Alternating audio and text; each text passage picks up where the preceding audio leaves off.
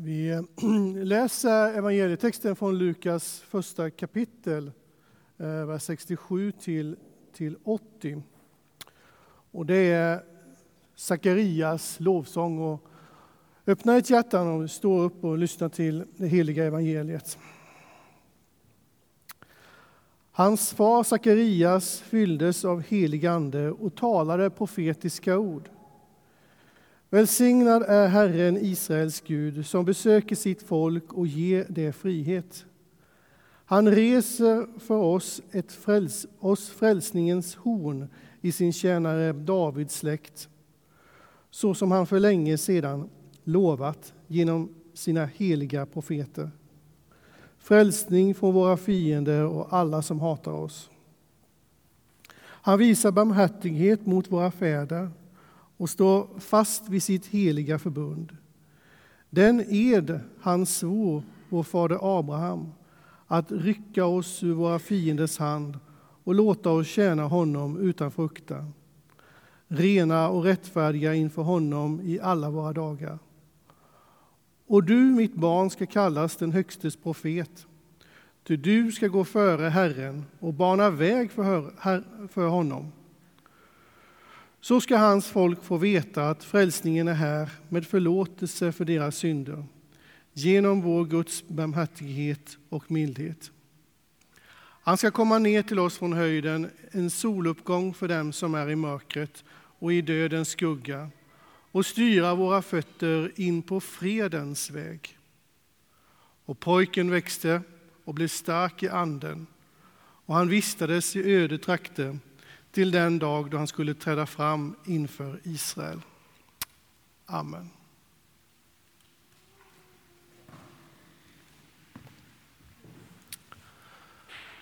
Jag undrar om det är någon som har varit i Amerika någon gång och då definierar vi det som USA eller Kanada. Kan ni räcka upp en hand? Det är några stycken. Ja. Är det till och med någon som är från USA, Kanada eller påbrå därifrån. Vi behöver inte vara rädda, kommer inte vara elak, säger något dumt. Det var det inte idag. Nej. För väldigt länge, länge sedan, så där en 25 år sedan, så var jag och min hustru Monica i USA. Vi reste runt och besökte släktingar och vänner i Chicago och i Nebraska framför allt. Och det var en sak som slog mig och det var det är väldans vad trevliga amerikaner är. Det är, det är fantastiskt. Vart vi än kom så liksom släppte de in oss. Om vi kom till kyrkan eller vi kom på en restaurang eller om vi var på rodeo eller var vi än var. Så liksom släppte de in oss så här.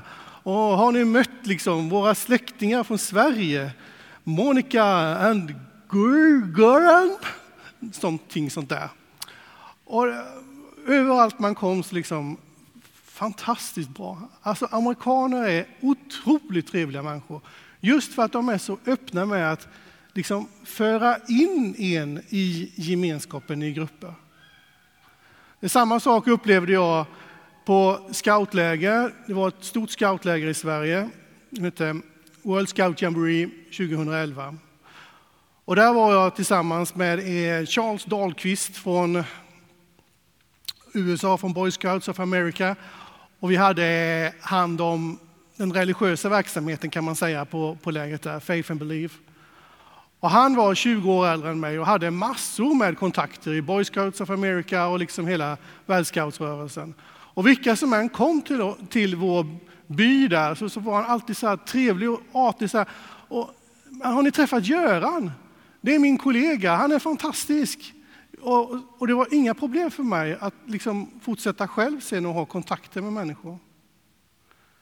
En del kan tycka att amerikaner, de är bara ytliga. Det, det där och så, så, man kan, en del svenskar är ganska kritiska mot, mot amerikaner och tycker att det där är ytligt, det är bara det är ingenting att hänga upp sig på. Nej, men vad, vad, är det för någonting som är så fantastiskt i det svenska? Och alla är lite buttra så här. Och så ska man minsann, ja, och vi är lite svårtillgängliga, men sen, Ja, ja, men om en stund ska du få se, om några år ska du få se att jag är ganska trevlig faktiskt.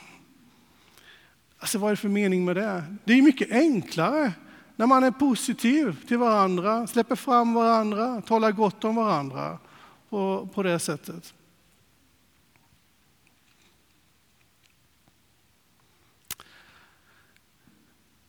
I, I en församling så är det väldigt lätt att man glömmer bort det där med att släppa fram varandra och vara trevliga mot varandra. Det blir lätt så där att man, man lever i sina enklaver, i sina grupper.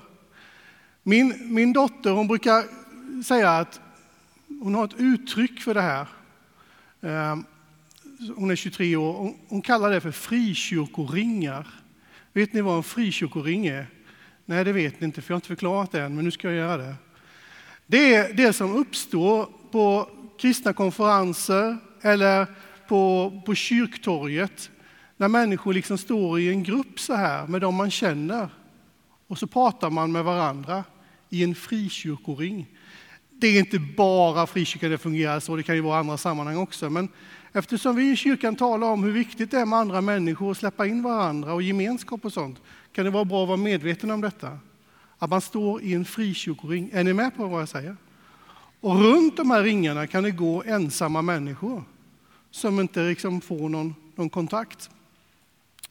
Då är det väldigt bra om vi blir lite mer amerikanska av oss och liksom kan, ja men här är min kompis, har ni träffat honom? Och släppa in kanske människor i ringen till och med.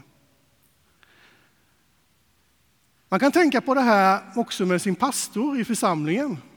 Om man får en ny församlingsförståndare som är på gång här i Missionskyrkan. Eller man kan göra det också med gamla pastorer, det kan vara bra med, de som är i 50-årsåldern. Att man, att man bjuder pastorn på lunch, kanske på sin arbetsplats eller bland vännerna. Och om man har en studentuppvaktning och, och, eller ett födelsedagsfest och en bjudning, att man liksom är generös med att släppa in pastorn i gemenskapen.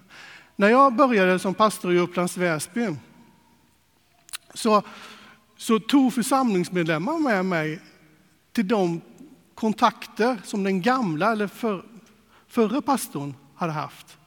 Och så här, liksom tog, förde in mig så här, till kommunkontoret. Det här är vår nya pastor i Missionskyrkan. Bla, bla, bla, bla. Och så. så var det mycket lättare för mig när någon hade berett vägen på det sättet. Att, att eh, själv odla kontakter. Är ni med på tanken nu? Nu är jag lite inne på det här med bereda väg. För idag handlar det om Johannes döparen. Vem var den här Johannes döparen? Ja, det kan man fråga sig. Många gånger så har vi hängt upp oss liksom på den här sista meningen. Och han, han levde i öde trakter. Vad var det för kuf? Var det sån här öken, eremit? Bodde han i en håla i, i, ute i Judaöken? Käkade gräshoppor, gräshoppor? Kittlade dödsskönt i kistan? Nej, vem var han? Och det rätta svaret, alltså det här konfirmandsvaret, det var att Johannes, han var en Guds profet som klev fram i Israel efter 400 år av profetisk tystnad. Ni kan tänka er, 400 år och ingen har profeterat, så kommer Johannes. Det måste ju varit fantastiskt. Och man kan förstå att människor liksom tyckte att nu, nu har räddningen kommit. Men det Johannes gjorde, det var att han, det var inte han som var det viktiga, utan han mer banade väg för Jesus. Och jag är ganska övertygad om att det hade varit svårt för Jesus att bara kliva in och vara liksom, hej, här kommer jag, jag är Messias. Utan Johannes gick före och beredde vägen för Jesus.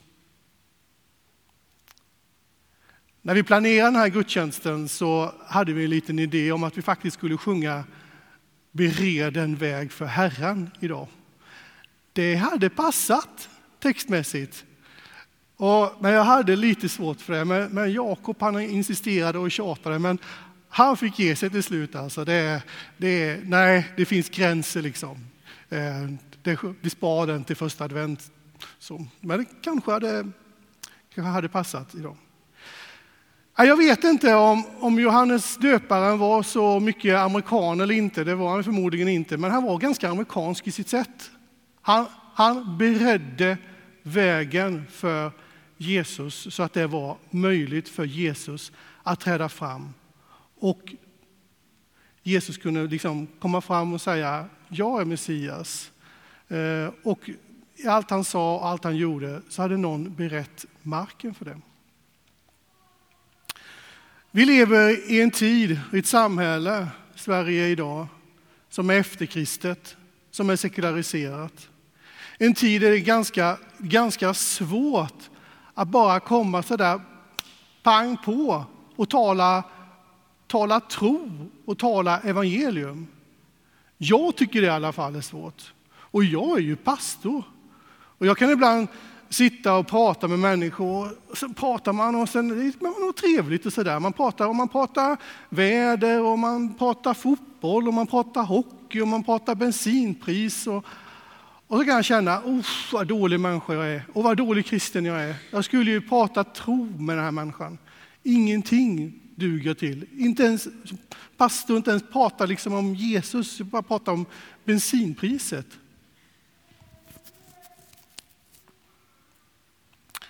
Jag tror att det är lätt att komma i en sån eh, vittnesbördsångest. Och det är inte alltid som det är läge för att tala evangeliet pang på så. Jag tror att vi behövs alla för att, precis som Johannes, bereda väg för evangeliet. Och det kan vi göra på många olika sätt.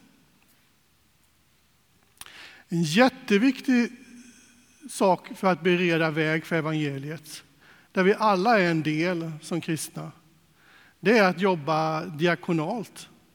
Att jobba för människor. Det kan ta sig många olika uttryck. Tänker man diakonalt, då tänker man ofta och det är någon som är med grön skjorta som åker hem till gamla människor och pratar. Nej, diakoni är så otroligt mycket mer. Diakoni, det, det är allt vi gör för medmänniskor och lite till.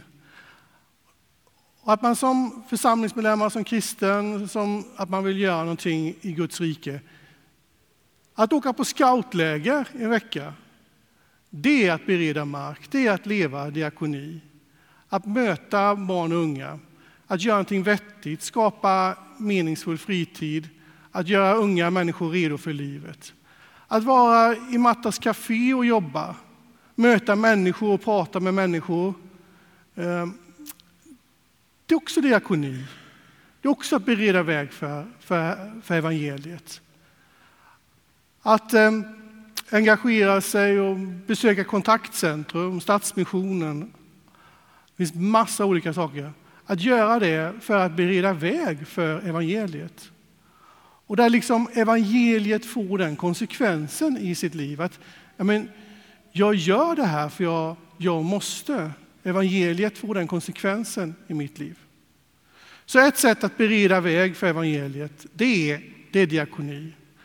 Ett annat sätt, det är precis som temat idag, den högstes profet, att, att på något sätt vara profetisk i sitt förhållningssätt.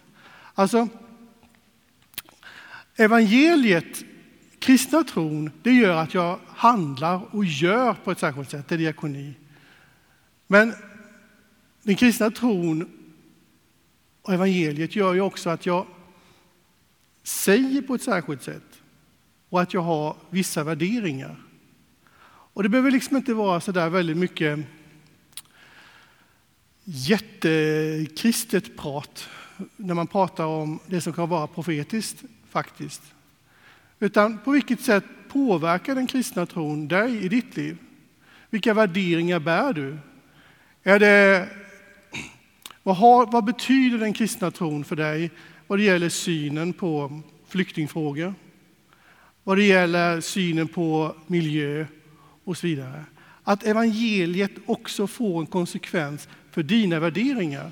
Och det kan du tala med dina medmänniskor om.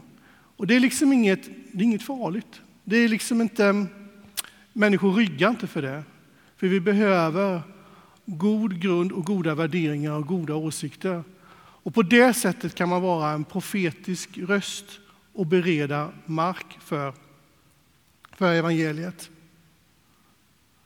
Så att man skapar en möjlighet för evangeliet att kunna nå till människor och, och, och få grogrund bland människor.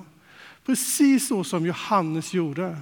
Att Johannes liksom banade väg för Jesus. Det var inte möjligt för Jesus att bara komma pang på med sitt budskap om, om Messias, den nya världsordningen i Guds rike och så vidare. Utan Johannes behövde för att bana väg.